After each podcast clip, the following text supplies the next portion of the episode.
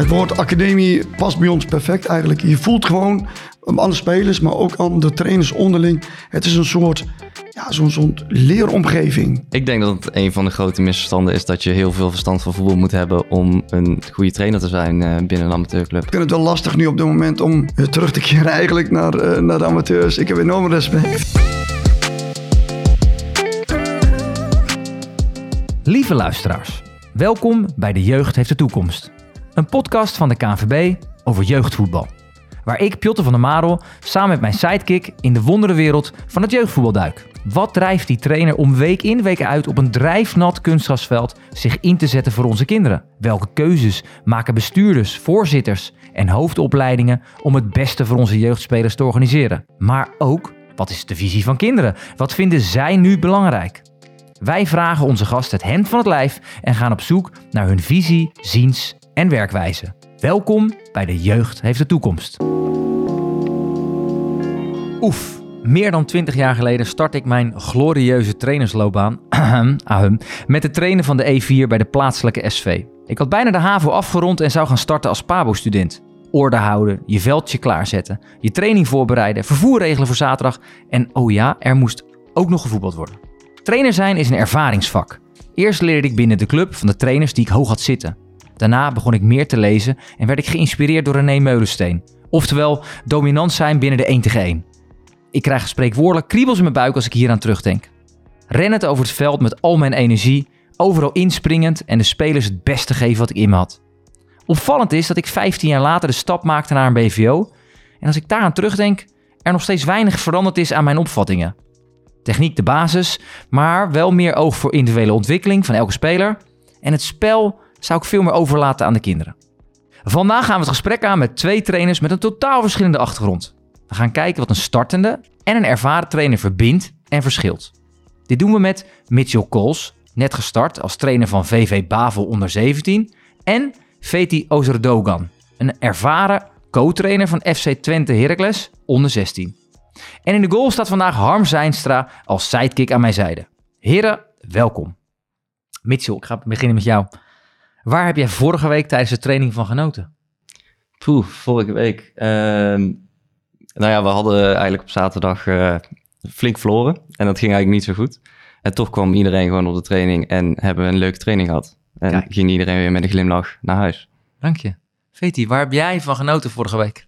2-1 winnen van PSV. Oh, dat was meteen uh, heel prestatief. Ja, ja. Wij speelden, Onder 16, hè? Dat- Was dat tijdens de training? eh, zo de wedstrijd, hè? Van de wedstrijd. Eh, nee, dinsdag eh, hebben wij een bekerwedstrijd gespeeld tegen PSV. Daar stonden we met 2-0 achter. En, en die hebben we eh, ja, gewonnen met 4-2. Een paar dagen later in die week werd er gewoon geweldig getraind. En dan zaterdag weer tegen PSV in de competitie. En we stonden 1-0 achter. En in de ja, laatste drie minuten scoren twee keer. Ja, dat was een geweldige week eigenlijk. Mooi. Mooie week, mooie training.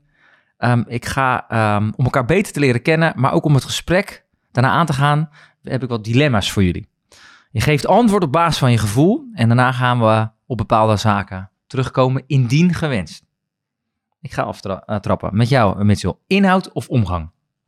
Eh, omgang. Inhoud. Materiaal of inhoud? Eh, inhoud. Inhoud. Training of wedstrijd? Training. Wedstrijd. Ouders betrekken of buiten houden? Eh, oh, ehm, ja, betrekken. Ehm,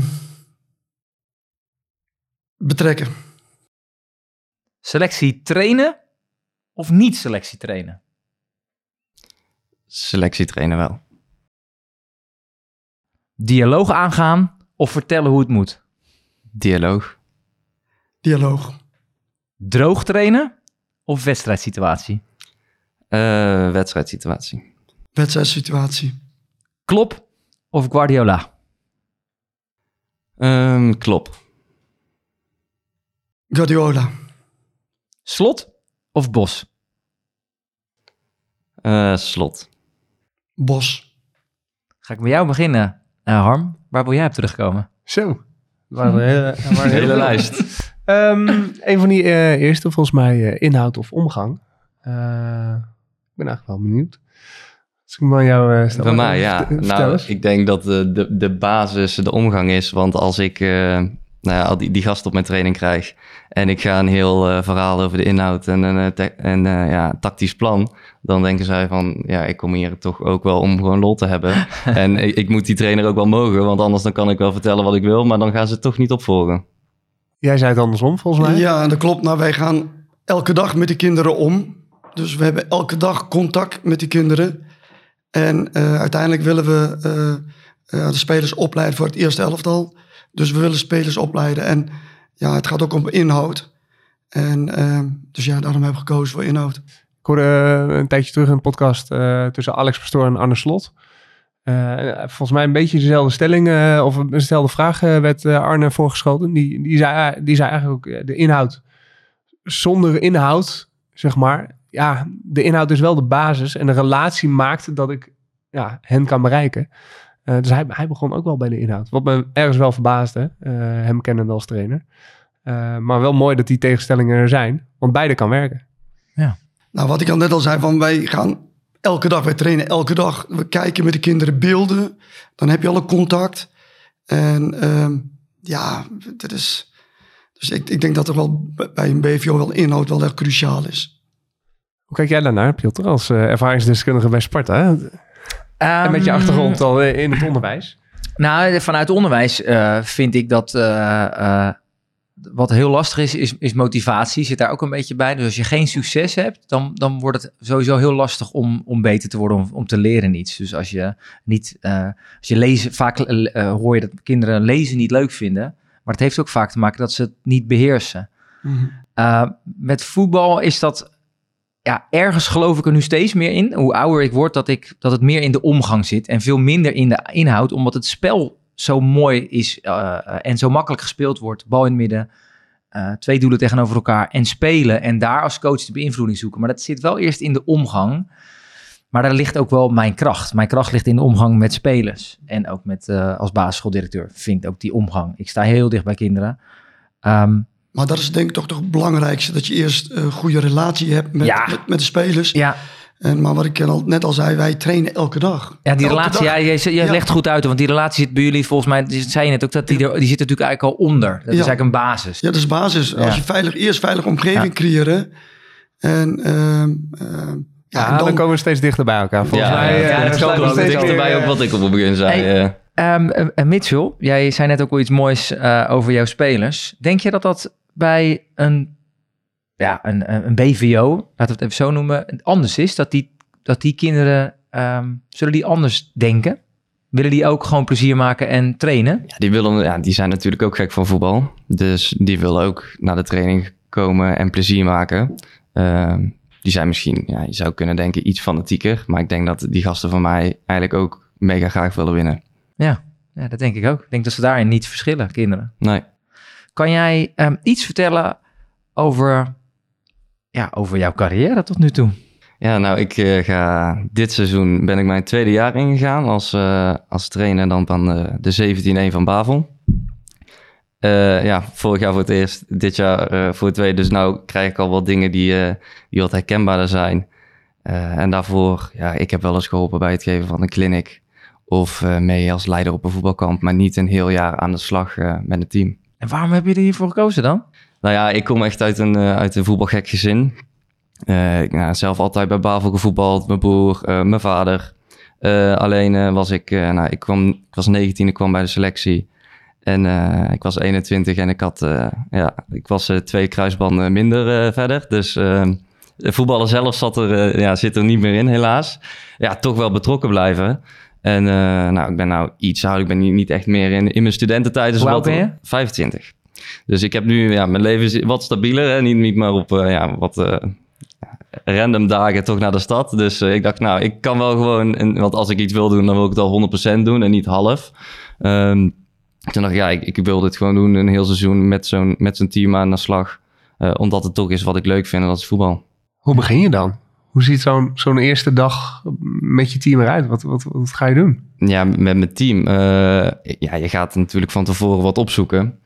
Uh, kom je al snel uit bij, bij bijvoorbeeld de Rines app, hè, oefeningen, trainingen. Je gaat nadenken, hoe heb ik eigenlijk training gekregen? Dat, dat, ja, dat ga je een beetje bij elkaar gooien. En ook eh, toch wel hoe, je- hoe je zelf over voetbal denkt. Want je kijkt ook naar voetbal en je ziet wel verschillen in, in hoe ploegen spelen. En dan ga je dan ook wel nadenken van die zullen op verschillende manieren trainen. Ja. En daar ga je dan, ja, daar maak je een mengelmoesje van. En Ja, dan, eh, je in de blender. dan, en, dan eh, ga je aan de slag. Ja. Maar, maar nog even, jij komt dat sportpark oplopen. En, en, dan? Die, even die, echt die eerste dag. Ja, die dat- eerste training, want ja, de eerste maar wat, keer wat tref je aan? Heb jij, kwam, eh, moest je je jaar. ballen nog uit, de uit de bosjes halen? Eh, had je hesjes? Weet nou je, ja, ik, ik, ik, Neem ik ben wel een man van structuur, dus ik kwam daar al aan en het was in, eh, het, het was in de zomervakantie. En nou ja, wij zijn 17 dus wij, wij, wij begonnen wel wat eerder. En ik had al een heel formulier gemaakt met regels en eh, om toch wel een goede organisatie te hebben. Dus ik ben eigenlijk met die gasten eerst gaan zitten eh, op terras en gewoon eh, gaan praten over wat verwachten we dit seizoen en wat willen jullie eigenlijk? Vinden jullie deze regels goed of zijn jullie het totaal niet mee eens? En daarna zijn we, ja, zijn we lekker gaan trainen. Mooi. Hij? Nu ja, jou even terug naar jouw eerste dag doen we even van dit seizoen. Hoe ziet die er dan uit?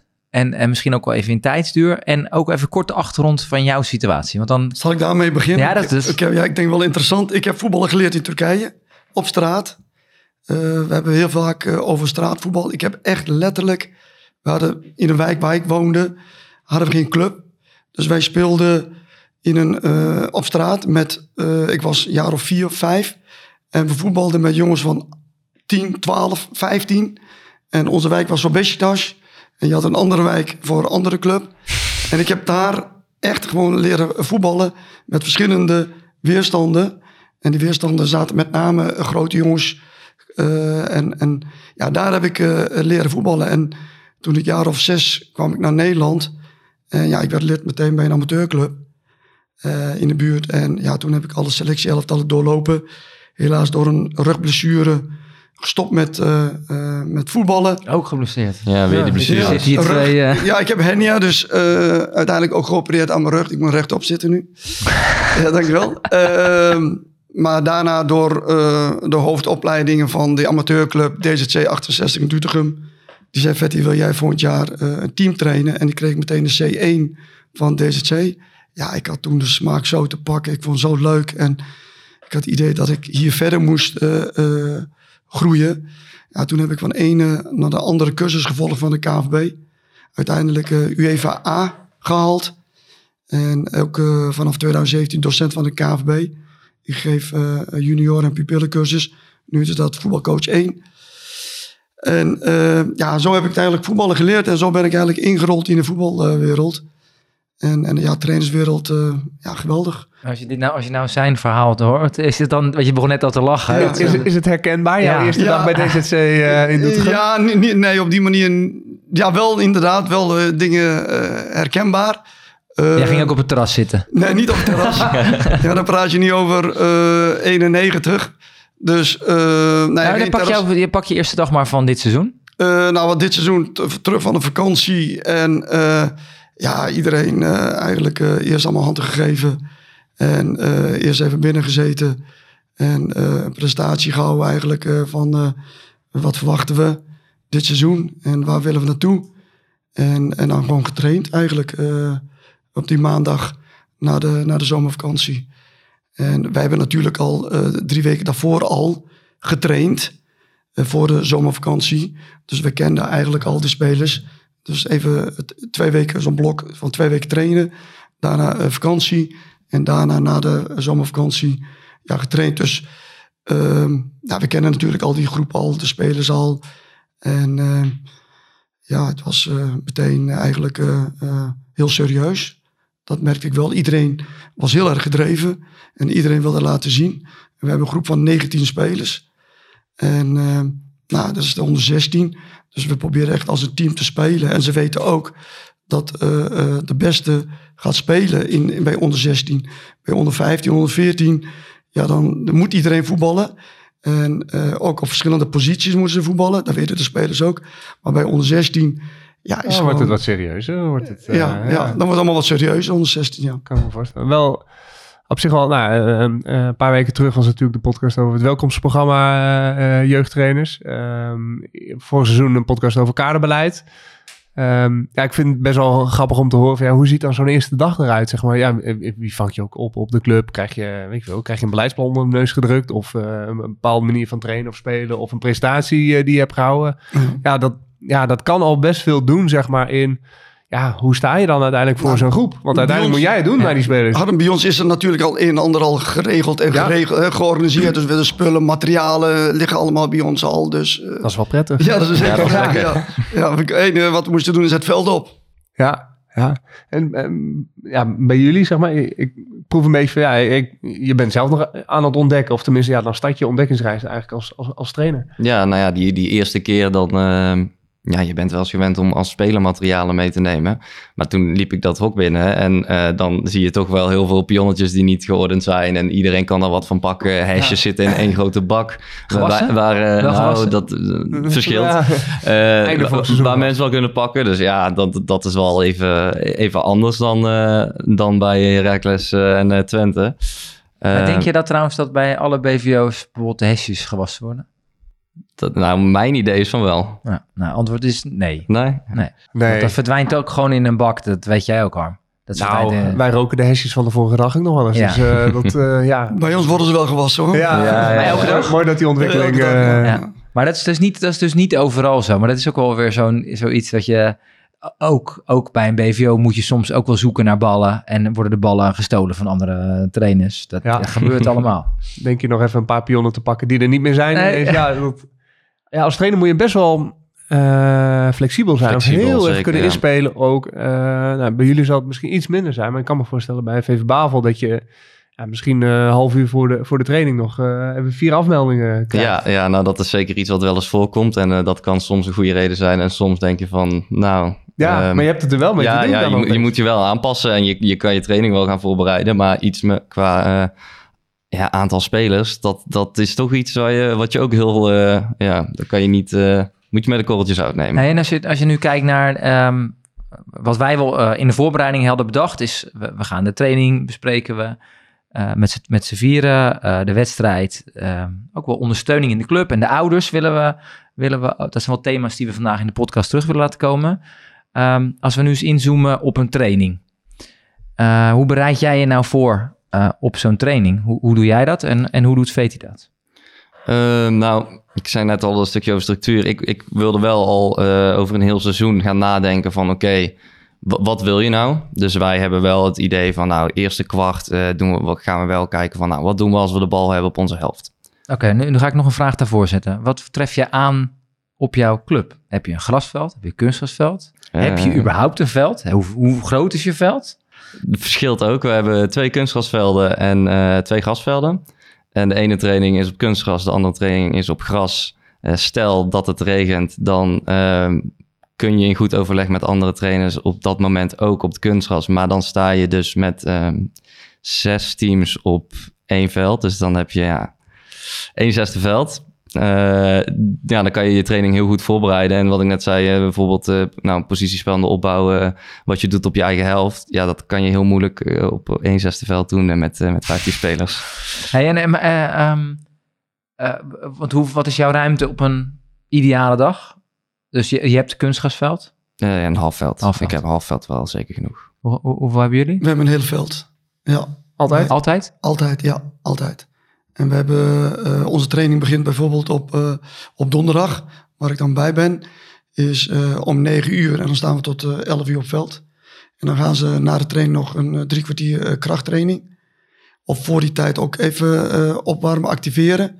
En dan oh, ja, net iets voor negenen, dan gaan ze het veld op. En ja, we trainen tot eh, ja, kwart voor elf, eh, zo'n beetje. En dan studie en in. dan, en dan sturen, ze, sturen we door naar de krachttraining. En dan studie ook nog? Studie ook, ja, smiddags, ja. ja. En dan gaan ze na het douchen door naar, eh, eh, naar school toe, ja. Hey, en ehm, krijg jij, eh, jij bent co-trainer. ja. Ehm, hoe, hoe moet ik dat zien? Krijg jij, maak jij trainingen? Eh, nou, Herman is dan de hoofdtrainer. Ik ben donderdag, vrijdag, zaterdag in dienst van FC Twente Heracles Academie. En ja, ik kom daar aan om nou, rond net iets voor achten, tien voor acht, kwart voor acht. En dan ga ik eerst met Herman eigenlijk bespreken Eh, de dag daarvoor, woensdag, heb ik al Herman ook al een keer gebeld. Ja, ja. Eh, hoe is maandag, dinsdag eh, verlopen? Maar in ieder geval donderdag kom ik eraan om acht uur. Dan doe ik mijn laptop. We zitten zo tegenover elkaar. Onze tafels, bureaus zitten tegenover elkaar. En dan heeft Herman de training gemaakt. En, of Herman die heeft een dag van tevoren een berichtje gestuurd van Vetti. Wil jij de eerste deel van de training doen? En eh, nou, dan heb ik dan uitgewerkt. Maar als ik dan op donderdag kom, dan wil ik eerst even de spelers langslopen. We hebben een soort eh, ja, programma, Soccer Lab. Dan wil ik even de spelers langslopen, hoe ze zich voelen.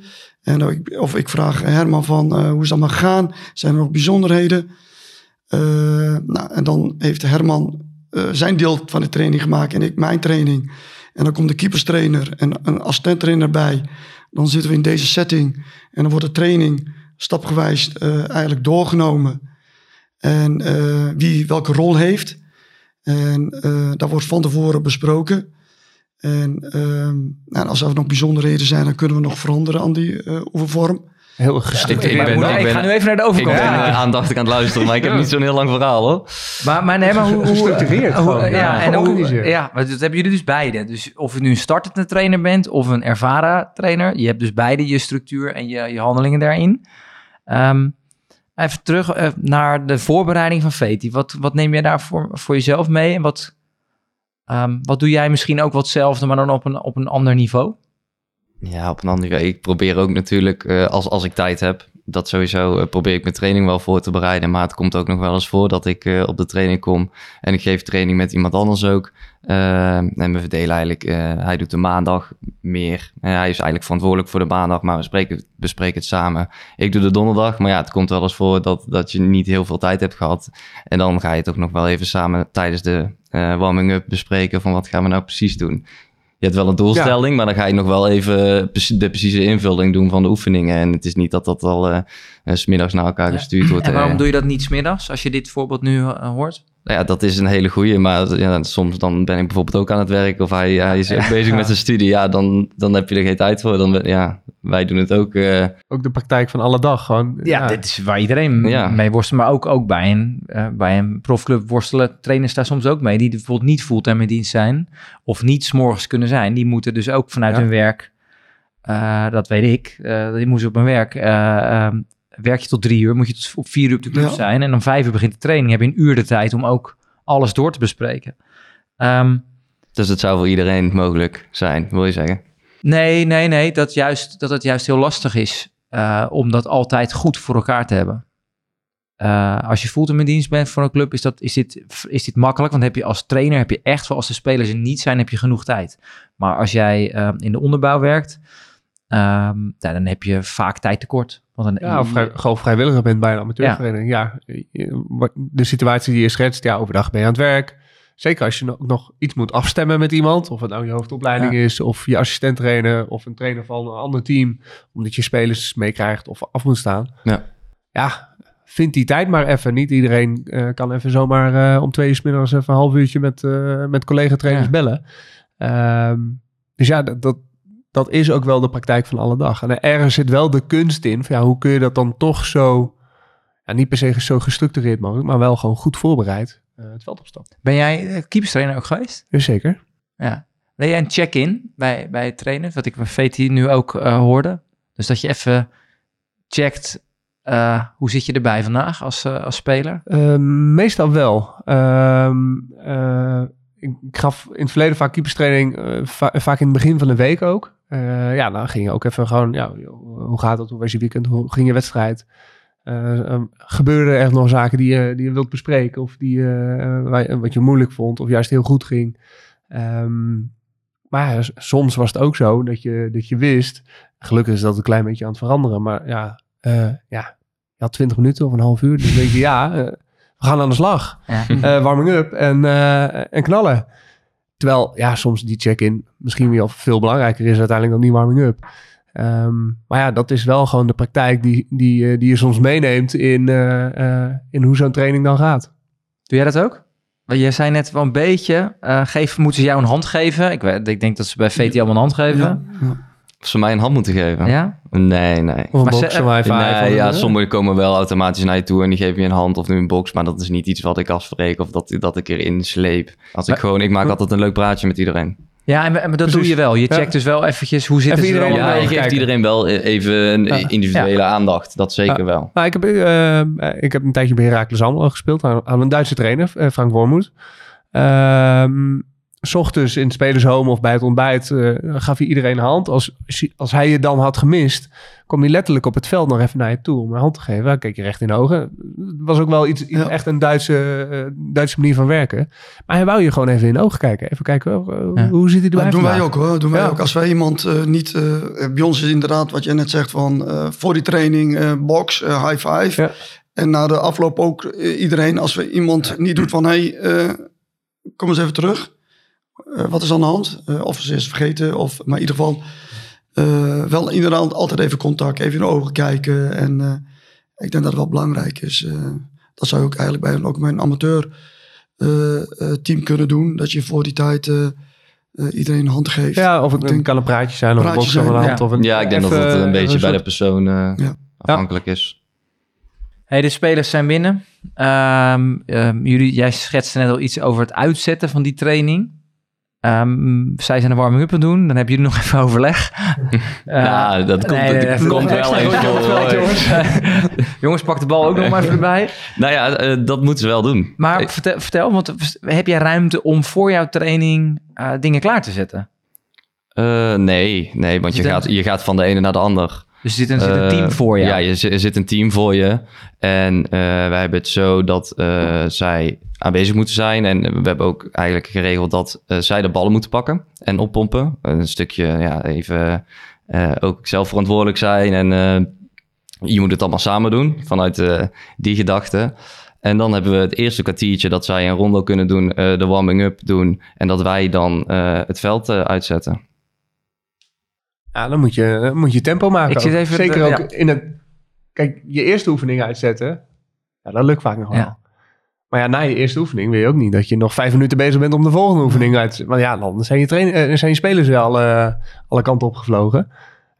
Ik neem aan dat jullie misschien wel de luxe hebben om misschien Nou, al je hele training al... wij, wij lopen altijd kwartier, eh, 20 minuten van tevoren het veld al op. Eh, de spelers zijn inderdaad verantwoordelijk voor materialen. Alleen ik loop dan even naar de kleedkamer toe. Ik pak de petjes, eh, neem ik mee. En samen met Herman of de keeperstrainer lopen het veld op. En we zetten eigenlijk voor de hele training zetten we dat weg. En dan doen we zo op die manier dat we eh, ja, geen tijd verliezen. En we proberen ook het eh, eh, drinken zo neer te zetten dat de jongens niet elke keer naar de dugout hoeven te lopen om, om drinken te halen. Dus wel wordt van tevoren wel de training besproken en ook wel van tevoren bekeken van hey, welke ruimte en wat is makkelijk. En, en, dus ja, nee, we hebben daar eigenlijk geen probleem mee. Hey, en, welke, als je dit hoort van, van, van Mitchell, welke tips eh, zou je hem dan meegeven? Eh, nou ja, ik heb natuurlijk ook bij een amateurclub gezeten. Dat is altijd eh, een beetje schipperen. Ik zou, ehm, eh, ik zou meteen eigenlijk als de, de, de groep voor jou meteen het veld afgaat... om, om meteen eerst groot uit te zetten. Dus je zeg maar de, de eindpartij. En daarin zeg maar je vol, de tweede vorm en uiteindelijk jouw warming-up of activatie. Zodat je elke keer van klein naar groot gaat. Ja, dat je alleen maar hoeft weg te halen in plaats van nog neer te zetten. Precies, neer te zetten. Dat je dat in ieder geval daar geen tijd kwijtraakt. En misschien ergens in een hoek dat je daar toch alvast zo dus Ja. zo'n rondootje neer doet. ja, even de, even de spelers even bezighouden. Ja. Even Ja. een rondootje of eh, Ja, even maar dat, op, eh, ik denk, op, dat eh, komt ook eigenlijk wel goed hoor, over het algemeen. Even, Ja, als, als we dan op dat eh 1 zesde veld eh, zouden moeten, dan, dan wordt het een stukje lastiger. ja, maar met ja, dat ja. halve veld, dan, dan lukt dat wel. Eh, ook, ja, jij zei net dat je een 19 man op de training hebt. Ik heb 15 man in totaal. Er zal niet altijd 15 man zijn, dus op een kwart veld kan je ook wel de eerste oefening en we zijn met z'n tweeën, dus dan kan je wel ook al die andere uitzetten. Eh, dus dat komt eigenlijk wel goed. Dat is eigenlijk Mooi. niet zo'n groot probleem. Ja, mooi. Ja, mooi. Ja, anders, ja, die, die, die spelers, die, ja, ge- geef ze drie minuten niks Nee, te doen. je- je En, moet eh, ze geen tijd op- ertussen op- Op geven. het doel en... eh, En als het, en als het echt nog niet staat, dan zeg je, oh, ga nu maar even wat drinken. En dan moet je even snel. Ja, eh, maar nee, over het algemeen eh, loopt dat wel. Hey, en jij bent nu eh, voor je tweede jaar ben je trainer. Je, je maakt van alles mee op zo'n training. Ehm, welke, welke, wat zou je een BVO-trainer eh, meegeven die jouw ervaring niet heeft rondom het organiseren van een training? Want jij hoort, Veti zegt net al dat hij die ervaring heeft vanuit het amateurwereld. Maar er zijn ook echt heel veel BVO-jeugdtrainers die nog nooit deze situatie wat jij, waar jij tegenaan loopt hebben meegemaakt. Welke tips zou je hun geven die verwend zijn met een veld, een leeg veld? Ja, ja, ja tips meegeven. Of tip, nou, ik, ik denk dat je het meer vanzelf, dat je je aanpast aan de situatie waar je in komt. En dat je dan snel moet handelen. Dus ja, een, een tip meegeven. Ja, je gaat, je, je gaat dat niet doen als, als het niet hoeft. Ja, maar denk jij dat die trainers dit, dit kunnen?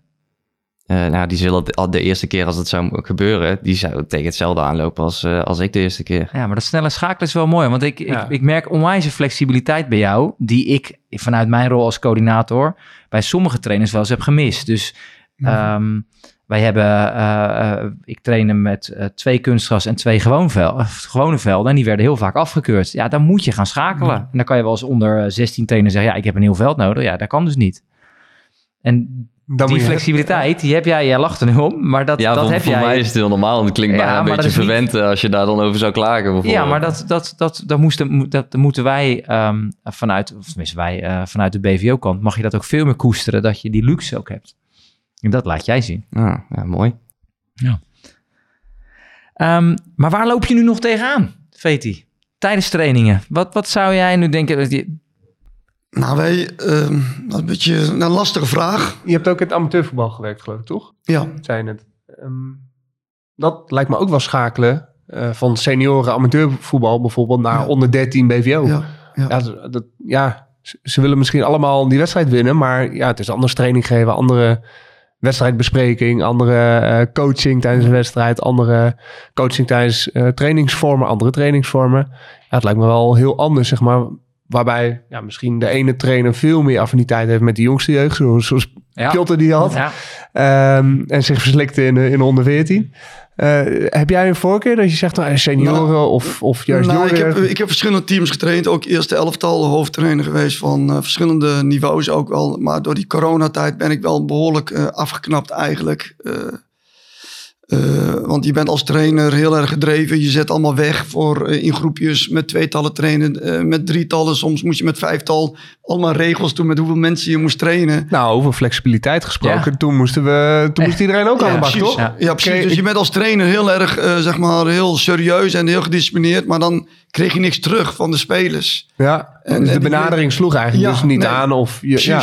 precies. En eh, ik vind het wel lastig nu op dit moment om terug te keren eigenlijk naar, eh, naar de amateurs. Ik heb enorm respect. ja. Zo heel eerlijk, want dit, Ja, ja. Dit, is, dit is ook Ja, voor mij ja. de luxe die... Ja. Jij voelt ook, die, je waardeert ook de luxe. ja, klopt. En ehm, Ik herken het ergens ook wel. Eh, ik heb jarenlang als prof gespeeld en was ook iets gewend. Ik ging keeperstraining geven. Daar kwam ik ook heel veel variaties. Nou, ook in de jeugdopleiding bij mijn profclub, maar ik ging ook wel naar amateurclubs. Dat vond ik ook wel lastig. Dan zei ik, ja, we gaan nu dit doen. En ze deden het niet. Precies. dacht ik, ja, maar dat is toch logisch dat je het eigenlijk wel doet. Ja, dat was ik dus gewend bij, bij de jongens die ik trainde bij een profclub.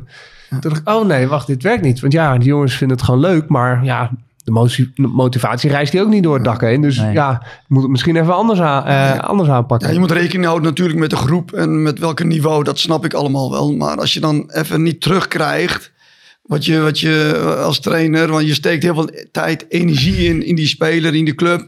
en je krijgt niet terug, ja, dan... Dat, is, dat is wel dat is lastig. moeilijk. Dat, is maar, moeilijk. dat, is- maar dat is denk ik ook een mooi waar jij dan ook wel tegenaan zou lopen. Ja. Ja. Hey, ik, ga, ik ga naar de wedstrijd. Ehm, even, mm, we hebben wel ook in een eerdere podcast eh, een, een wedstrijd, een ideaal wedstrijdtraject ehm, eh, besproken. Ehm, spelers komen, ouders komen. Dan laten we dat even de intro eh, van, van een zaterdag even buiten beschouwing. Kleedkamer. Ja, ik eh, laat ze, nou, als ze thuis spelen, dan verzamelen ze in de kleedkamer. En dan laat ik meestal op de tijd dat we eigenlijk aanwezig zijn, laat ik ze eerst 10 minuten even, even met elkaar aan de gang. Zodat ze alles van de, de dag ervoor of van de week ervoor kwijt kunnen. Want ik weet dat als ik meteen ga beginnen, dan komt dat daarna of tussen, tussen mijn praatje. En dan op een gegeven moment is het uh, ja, telefoons weg en nu gaan we even twee uur lang Telefoons uh, weg. Je telefoons ja. weg, ja. Bij En nu gaan we 117, even, succes. even twee uur lang met z'n allen focussen op die wedstrijd. En eh, dan moet je zorgen dat je, als je die aandacht hebt, dat je die ook behoudt. En dat is ook wel eens misgegaan, maar het gaat steeds beter. Oké. Ja, ik maar. En, en pak je dan het bord erbij? Of, eh, Eh, nou ja, vorig jaar eh, deden we dat eigenlijk gewoon eh, ja, zonder iets. En dit jaar hebben we dan wel een, een, een mapje aangeschaft om wel ook alvast dat dingen op te schrijven, die je niet wil vergeten. Ja, er zit ook een mooie bord in waar je wat kan uittekenen voor die jongens. Maar dat is niet dat we dat elke wedstrijd helemaal eh, behandelen. 19 spelers hoorde ik net aan de overkant. Hoeveel spelers heb jij? 15. Kan iedereen er spelen op een zaterdag? Eh, als, iedereen, eh, als, als er geen geblesseerden zijn, dan voetbalt over het algemeen iedereen. Speelt ook Ja. iedereen? Eh, nou ja, geblesseerden dan niet. Nee, maar als iedereen fit is... Als iedereen fit is, dan maakt iedereen minuten. Speelt iedereen bij jullie? Niet altijd. Nee. Dat is onze grootste uitdaging. Ja. En bij ons eh, bij de club staat eh, de speler centraal.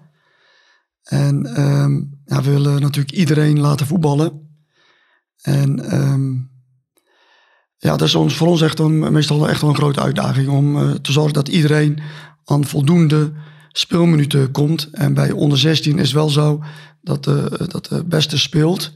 Onder 15, eh dat, zijn het, nogmaals, dat heb ik net al gezegd. Dus het wordt iets makkelijker voor onder 16 en onder 18. Maar bij ons staat het eh, eh, team centraal, voetballen in een team. En eh, ja, eh, eh, door eh, wedstrijd, door de weeks proberen we aan speelminuten te komen. En eh, in het beleid staat dat we zoiets van 32, 33 wedstrijden iedereen moet voetballen. Dat is van tevoren met eh, heel veel Ja. trainers en met eh hoofdvoetbalontwikkeling besproken. Nou, van wel, hoeveel spelers, hoeveel wedstrijden moet een speler voetballen van de academie? Nou zijn we iets van volgens mij 34 gekomen op jaarbasis. En dat, iedereen moet dat recht hebben, 34. Dat kan zijn toernooien, dat kan oefenwedstrijden zijn en natuurlijk competitiewedstrijden. En daar zit natuurlijk ook direct alweer een rol voor je als trainer-coach. Ja, de boodschap overbrengen, wie wel speelt, niet Ja. speelt. De week er- erop weer op de bank Ja. zit en die week daarna misschien nog een keer. En of juist misschien ja, de, de, de sterspeler van de eerste weken die op een gegeven moment ook op de bank terechtkomt. Ja. Eh, zijn dat al zaken die je gedurende de week met die jongens bespreekt? Of tijdens training al doorlaat? Ja, dat is ook een, eh, ja, voor die in de week al. Ik kan, eh, ik kan wel een mooi voorbeeld noemen. Eh, We hebben een, een spits die, ja, die doet hartstikke goed op die positie. Vorig jaar onder 15 speelde andere spits bijna alle wedstrijden. Maar hij raakte geblesseerd in de voorbereidingen. Dus onze spits speelt daarna alle wedstrijden. Maar die spits die vorig jaar onder 15 veel speelde, ja, die zit nu even op de bank. En die moet even in de wachtkamer en die moet terugvechten. En die minuten die hij krijgt als invaller, heeft hij nog niet helemaal goed laten zien. En eh, ja, dan wordt er met die speler eh, gesproken, uitleg gegeven, actiepunten meegegeven van daar en daar aan. Eh, bij ons moet ook elke speler beelden maken. En dan wordt met mij en met- Herman eigenlijk besproken. En terugkijkend op die beelden geven we weer wat adviezen en tips van nou, daaraan, daaraan moet je aan werken. Dus het, hij moet even in de, eh, in de wachtkamer. maar ook die leeftijd begint al een soort concurrentie. Hè? Ja. Dus daar begint al een concurrentie. Maar dat is, dat is bij jou niet anders, denk ik. Nee, Ze willen ja, ook allemaal spelen, toch? Ik heb iets, iets minder spelers, maar en er, zijn, Ja. zijn natuurlijk spelers die op dezelfde positie het liefst spelen. Ja. Dus die, daar heb je ook concurrentie. En dan heb je vaak ook dat de betere bijvoorbeeld daar begint. Maar je, je, je speelt allemaal, dus je roleert toch. Ja. Maar eh, stel je hebt dezelfde situatie, twee goede spitsen. eh, eentje speelt, eh, andere ja, moet je toch. eh, Ja, dan Helaas- spelen ze beide bijvoorbeeld een helft. dat, ja, daar zit de rol van de, van de trainer-coach natuurlijk om, om ze toch allebei met een glimlach. eh, ja, ja, ze moeten allebei met een glimlach naar huis. Ja. En bereid je dat voor? Ondanks, wat bedoel je? Bereid je dat ook voor, die wissels? Ehm, ik, ik bereid wel wissels voor, maar er gebeurt meestal zoveel in een wedstrijd dat de wedstrijd wel Ja. vraagt om de wissels en dat het eigenlijk voor zichzelf het Moet je al, toch weer het al flexibel zijn, hè? Moet je toch weer flexibel. scha- Maar hebben jullie denk ik- dat is bij jullie wij niet bereiden anders. voor. Nou, Ja. wij bereiden we echt wel voor. Van Ja. tevoren wordt eh, wij met de trainers dus besproken van wat gaan we doen? Plan B, plan C. En eh, ja, dan wordt van tevoren al de wissels al wel besproken. Maar goed, als het goed gaat, dan eh, worden we, gaan we niet zo snel wisselen. En als het moet, ja, dan moet het. Dus, eh, maar vooraf wordt wel plan B en plan C wel besproken hoor. Als ik aan plannen denk, dan denk ik ook aan Nathan Rutjes. Die heeft voor jullie een, eh, een bericht. Hoi Piot! Eh, in een plaatsje, genaamd Prinsenland, was er eens een jongen op 13-jarige leeftijd die besloot om de F2 van de plaatselijke voetbalclub te gaan trainen. Bijzonder, want niemand eerder had immers een speler van de D1 de eindverantwoordelijkheid gegeven over een jeugdteam. De reden waarom deze jongen dat deed, was omdat het hem superleuk leek om een groepje kinderen les te geven. Zijn eigen ervaringen te delen, nog meer met voetbal bezig te zijn dan dat hij dat al deed. En natuurlijk omdat hij dacht, net zoals bij het zaalvoetballen, hij dit wel aardig goed zou kunnen. 27 jaar later is deze jongen uit Prinsenland, gelegen in Rotterdam-Oost, coördinator bij Sparta Rotterdam.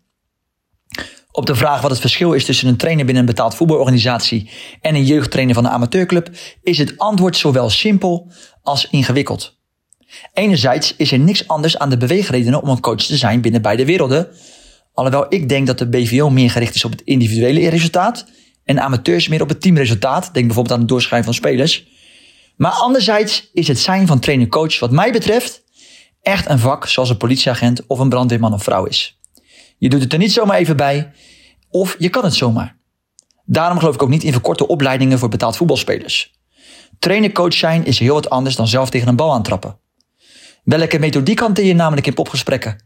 Hoe creëer je een veilig klimaat voor je spelers? Hoe herken je de voetbal- en persoonlijke behoeften van het individu?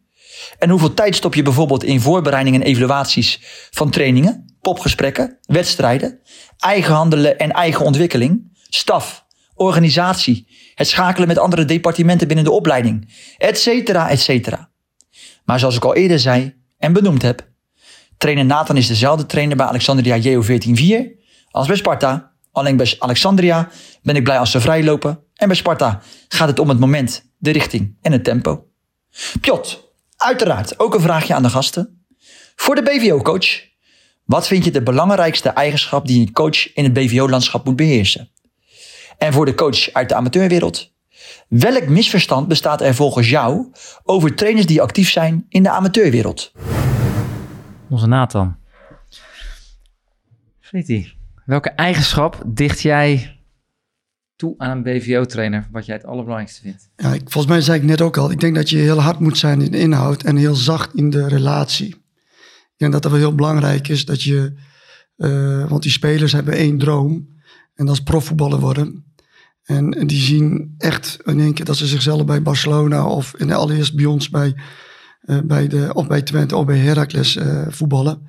Hun hebben een droom en ik denk dat wij als trainers bij BVO eh, die kinderen echt moeten helpen. En dus op inhoud moeten we eisend zijn, maximaal eisen. En in de relatie, in de omgang waar we net besproken, dan moet je heel zacht zijn. Dan ben je gewoon een vader of een vriend. En, maar op de inhoud moet je wel veel eisend zijn. We hebben Mooi. daar ook eh, de norm, maximaal. eh, alles wat je doet, moet gewoon maximaal. Mooi. Mooi, ja zeker. En dan het, eh, het misverstand, hè? Eh, ik denk dat het een van de grote misverstanden is dat je heel veel verstand van voetbal moet hebben om een goede trainer te zijn eh, binnen een amateurclub. Ik ben bijvoorbeeld dan nog wel eh 17-1. Nou, dat is nog echt wel een belangrijk eh, team qua selectie. Ehm, maar hoeveel procent van een voetbalvereniging is, geen selectie en eh, heeft bijvoorbeeld heel moeilijk om een trainer te vinden? Eh, omdat heel veel mensen denken van, oh ja, maar ik moet echt wel heel veel verstand van voetbal hebben. Wil ik eh, met die, ja, die kinderen aan de slag gaan of die spelers? Eh, terwijl ja, het organiseren is denk ik de grootste uitdaging. En als je het goed kan organiseren, dan kunnen zij lekker voetballen. En dan kan iedereen ja, met die glimlach naar huis. Ja, Ja, daar sluit ik me echt wel heel erg bij aan. mooi gezegd. Ik was, ik was onlangs bij een club eh, in het noorden van het land. Die, die, had- die waren ook bezig met het ontwikkelen van hun eigen trainers. Eh, hij zei, in het eerste jaar dat we daarmee begonnen, stelden we eigenlijk ook de vraag van waar zou een ideale trainer bij onze vereniging nou aan moeten voldoen? Nou, dat was eh, tactisch goed en eh, nou, technisch onderlegd, je moet het kunnen voordoen. En, maar zei, naarmate we deze sessies vaker gingen doen, en we, we stelden die vraag weer opnieuw, kwam eigenlijk meer op eh, eh, leervermogen, wil om beter te worden, eh, verdiepen in je spelers. Kwam, er, kwam er veel meer de, de zachte kant en, de, en, en ja, de bereidheid tot ontwikkelen kwam naar voren. Ja, en dat, dat hele verstand van voetbal en zo, ja, dat, dat, ja, dat, dat komt wel als je gewoon deze aspecten bezit. Ja, dan ga je vanzelf ook wel verdiepen in het voetbal. En dat komt vanzelf hoe, hoe, eh, hoe meer je het doet. Eh, en dat zou een hele mooie drempel weg kunnen nemen voor mensen die denken: ja, ik kan best wel veel eh, dingen eh, met kinderen. Ik ben goed in de begeleiding, kan, ze, kan goed met ze praten, maar van voetbal heb ik geen verstand, dus ik ga het niet doen. ja, juist die mensen zouden we misschien Ja, wel juist zijn- heel veel binnen, ideale trainers. binnen de amateurwereld moeten hebben. Absoluut, ben ik het helemaal mee eens. Ehm, de ondersteuning die jullie krijgen vanuit de club. Ehm, voordat we eigenlijk naar de ouders gaan. ehm, hoe ervaar jij dat? Krijg jij ondersteuning en, en waar, waar zit dat in? Ehm, ja, ik heb eh, eh, bij ons team zelf hebben wij twee teammanagers die eigenlijk heel erg helpen met organisatorische dingetjes. Dus eigenlijk eh, de schakel met de ouders, maar dat komt dan meer dadelijk. Wij hebben een hoofdtrainer eh, die dan hoofdtrainer is van de onder 19 en onder 17. Eh, en wij hebben een hoofdopleiding. Eh, nou, daar heb ik op het begin gesprekken mee gevoerd toen ik trainer wilde worden. En daar kan ik altijd wel terecht, mocht ik vragen hebben. Komen ze ook kijken bij jou? Eh, ja, geregeld komen ze wel eens kijken, maar vaak zoek je elkaar ook wel eens op als je op het sportpark loopt. En eh, ja, ik vind het fijner om gewoon een lekker een eh, informeel gesprek te hebben tussendoor dan bijvoorbeeld echt iets inplannen om serieus over iets te praten. Maar als je gewoon, nou ja, ik ga wel eens bij de 19-1 kijken, nou dan is hij bijvoorbeeld ook aan het kijken en dan ga je naast elkaar staan en dan heb je het ook over je eigen team en hoe het gaat en wat misschien beter kan en nou. Collega's, andere trainers, hoofdopleiding. Je voelt daar wel de steun in, even. Ja, ja, zeker. Jij? Ik heb even geteld, volgens mij zijn 30 mensen die, mij, die ons ondersteunen. hè. Zo, ja, nee, we hebben... oh, Ja, ben je collega- 15 jaar. Nee, maar collega-trainers. Je hebt collega-trainers, we zitten in dezelfde ruimte. Daar wordt echt alles wordt besproken. De tactiek. eh, eh, ook een- als jij een conflict hebt met een speler. eh, ja, dat wordt eh, door een collega-trainer geadviseerd. Eh, we hebben natuurlijk eh videoanalist, eh sportpsycholoog. Dus al die mensen zijn allemaal bereid om, eh, om, om jou te helpen als, als, eh, als trainer. Mooi trouwens dat jij hem heel breed trekt. Vind ik wel mooi, Ja. want die ondersteunen jou eigenlijk. Ja, precies. Ja, we hebben ja, dus hoofd, eh, hoofd voetbalontwikkeling, ja, die, die kijkt naar onze trainingen, die kijkt naar onze wedstrijden. Na elke wedstrijd eh, is altijd contact met eh, eh, hoofdvoetbalontwikkelingen. Elke wedstrijd wordt even met hem besproken. Hoe, je- hoe heb jij het ervaren? Hij vertelt ook zijn mening, wat hij gezien heeft van die trainingen. Dus eh, in eerste instantie is onze aanspreekpunt is, eh, onze hoofdvoetbalontwikkeling. Eh, nou, bij de amateurs heette dat volgens mij eh, ja, hoofdopleiding, maar Ja. bij ons is het voetbal, eh hoofdvoetbalontwikkeling. Ja, daarnaast zijn collega-trainers. Ja. En, en wij hebben allemaal verschillende soorten trainers, eh, Ja. prof en, en niet-prof. En van, van, van elkaar kun je heel veel leren. Met elkaar leren, van elkaar leren. En, Allerleukste rol. Ja, kan En ik me dat, voorstellen. dat, en dat willen we ook uitstralen. Dat is een topsportcultuur. Naast topsport ook ontwikkelcultuur. Dus ook de trainers worden daarin ontwikkeld. Er wordt eh, ja, cursussen gevolgd eigenlijk. Elke trainer die, ja, is bezig met een, eh, met een trainerscursus.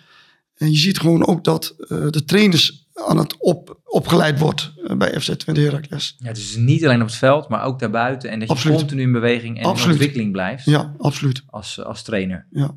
Belangrijk. Het woord academie past bij ons perfect eigenlijk. Ja. Je voelt gewoon aan de spelers, maar ook aan de trainers onderling. Het is een soort, ja, zo'n zo'n leeromgeving. Ja. Ja, en op, het op, op een ander niveau zie ik wel heel veel verenigingen die daarmee worstelen. Dus inderdaad, nou, de trainers bij elkaar, met elkaar laten leren. Eh, de hoofdopleiding die daar een hele belangrijke rol in kan spelen. Ehm, ja, het verschil is, ja, kun je altijd bij hem terecht? Of neemt hij je bij de hand en eh, eh, zorgt hij dat jij een betere trainer wordt? Ja, weet ik, Eh, het is wel interessant, want ik, eh, ehm, waar, waar, je soms ook tegenaan loopt, zeker bij je, jongere leeftijd, die trainen natuurlijk begin van de avond en aansluitend vanuit je, wat ik net zei, vanuit je werk, eh, hol je dat veld op.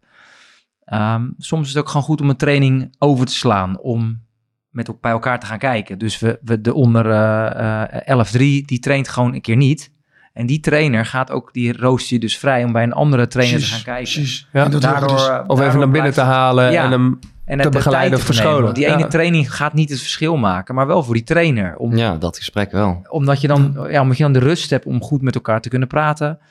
Ehm, ja, Ja, dat je, zijn leert wel van dingen. elkaar, je leert veel van elkaar. Ik kijk ook heel veel naar mijn collega-trainers eh, op het veld. Onze trainingen, wedstrijden worden allemaal opgenomen. Onze trainingen worden opgenomen.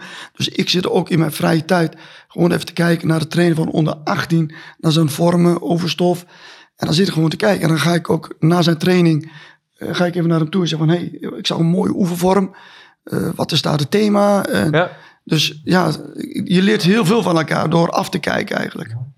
Ik eh, ga naar het laatste thema die we nog hebben, ehm, waar we gaan kijken naar overeenkomsten, verschillen. En dat is eh, het thema ouders. Ehm, en daarna gaan we natuurlijk nog even naar de tips. Ehm, hoe gaan jullie om met ouders bij... eh, Wij hebben, ja, begin van het seizoen hebben wij een presentatie waar de ouders bij zijn. En daarna zien we de ouders eigenlijk veel langs kant. En bij popgesprekken mogen bij ons de ouders bij zitten, bij onder 16.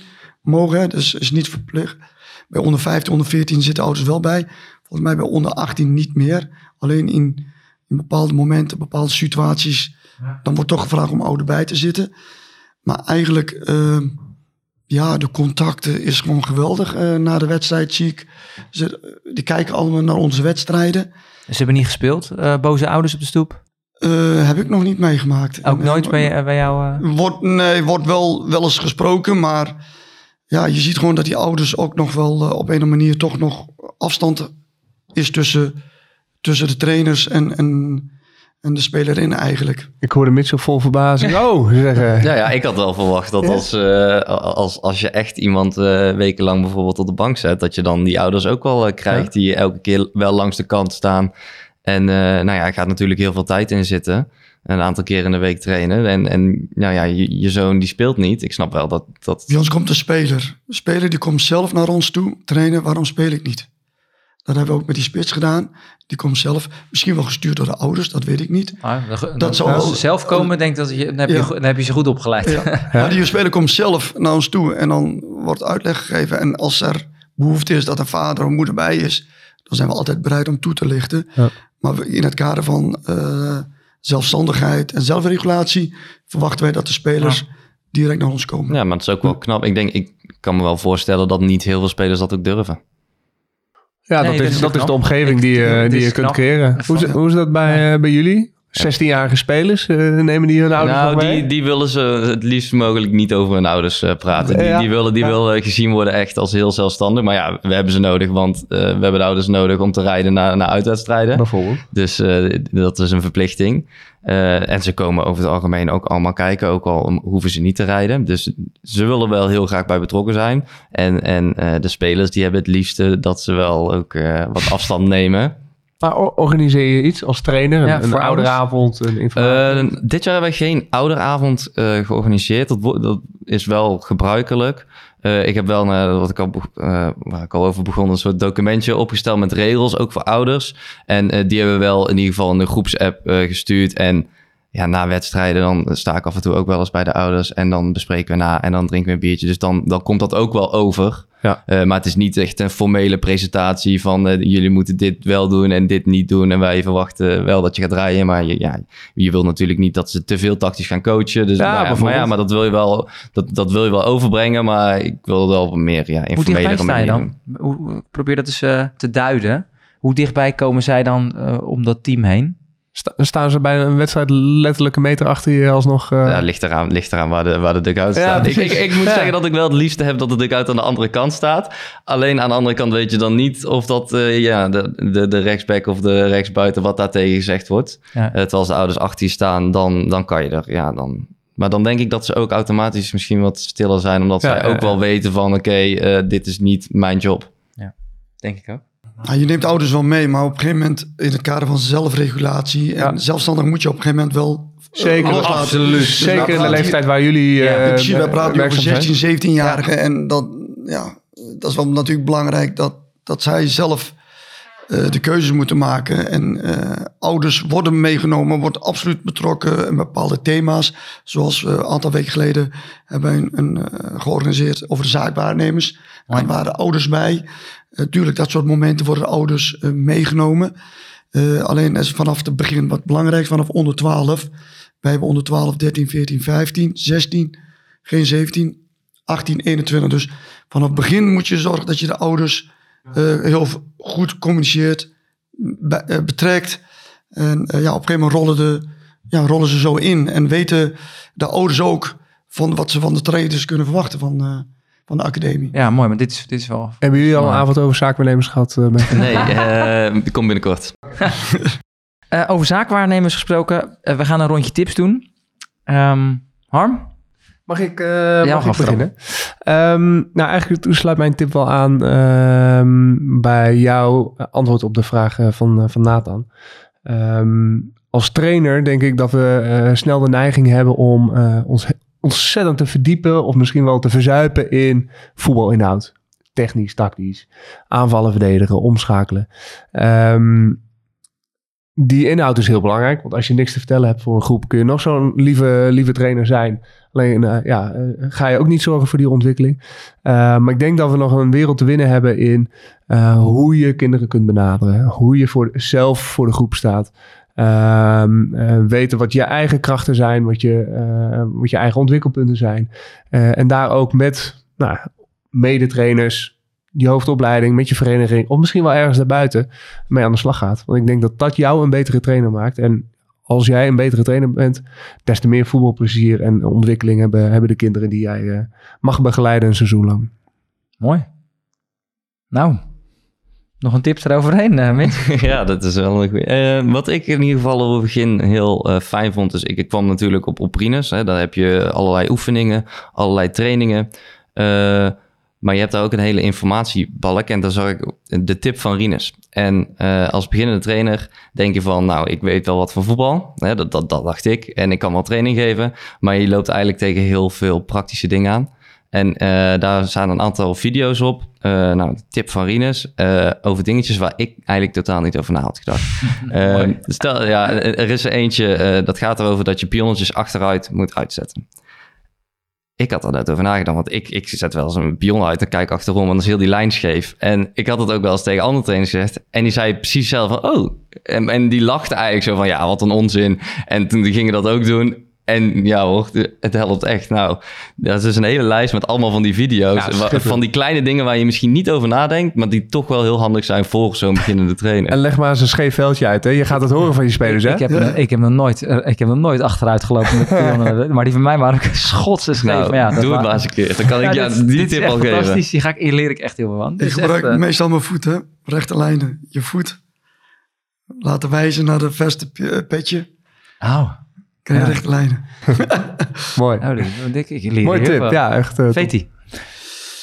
Uh, ik denk de individuele aandacht. Uh, je hebt natuurlijk de vier kwaliteiten van een trainer. Hè? Structureren, stimuleren, regie overdragen en individuele aandacht. Ik denk dat dat met name bij individuele aandacht... Uh, dat dat wel heel belangrijk is voor een kind. ja, het is nog een kind. En um, ja, enthousiasme, vooral enthousiasme is heel belangrijk. Zorg dat het, dat het aanstekelijk wordt. En um, ja, dat kind gezien wordt en, en betrekt. Uh, bij Twente wordt uh, Twente Heracles academisch spelen wordt echt betrokken in meedenken. Continu bevragen van hoe denk jij erover? Uh, we hebben een, een, een, een groep aanvoerders. Met die aanvoerders nemen we ook een, nemen ook aantal dingen door van hoe denken jullie? Maak dus een training. Zet maar een training uit. Waar willen jullie op trainen? Dus elke keer ja, betrekken. En ja, ik vind de individuele aandacht vind ik wel echt heel belangrijk. Dat zou ik eigenlijk iedereen willen meegeven van vergeet de individuele aandacht niet. Ja. Blijf dat doen. Piotr, de schat aan ervaring die, uh, uh, en, die nou, jij meebrengt. Ik heb hierover nagedacht en het sluit heel erg op jouw uh, tip aan Harm. ik heb eerst nog gekeken naar boeken en series, maar daar kom ik nog niet. Ik heb nog niet echt wat gevonden dat ik denk te sluiten bij dit thema. Ik vind, ben hem groter gaan trekken. Ik vind dat je naast een visie op voetbal, dus hoe wil je spelen als club, als team, vind ik dat clubs ook een visie op trainers moeten hebben. Van wat vinden wij nou heel belangrijk dat die trainers doen met onze. Uh, met onze. de, de, visie van Feti wordt hier laten zien. Uh, nee, dus de, wat, wat, dat clubs ook een visie op trainers moeten hebben. Dus wat verwacht je van een trainer? Wat moet hij kennen? Wat moet hij kunnen? Hoe, en wat vind je belangrijk in de omgang met, met een kind? En daarnaast ook een visie op training geven. Uh, want dan kan je veel makkelijker vanuit de club trainers helpen hierin. Ja. Dan heb je iets om op terug te vallen. Ja. Een basis van, oké, okay, zo zouden we het willen zien. En daarbij, daar gaan we je dus bij helpen. Ja, ja hele mooi. Ja, mooi. Uh, heren, dankjewel voor jullie komst naar de studio. Uh, luisteraars, dank voor het luisteren en hopelijk tot de volgende keer.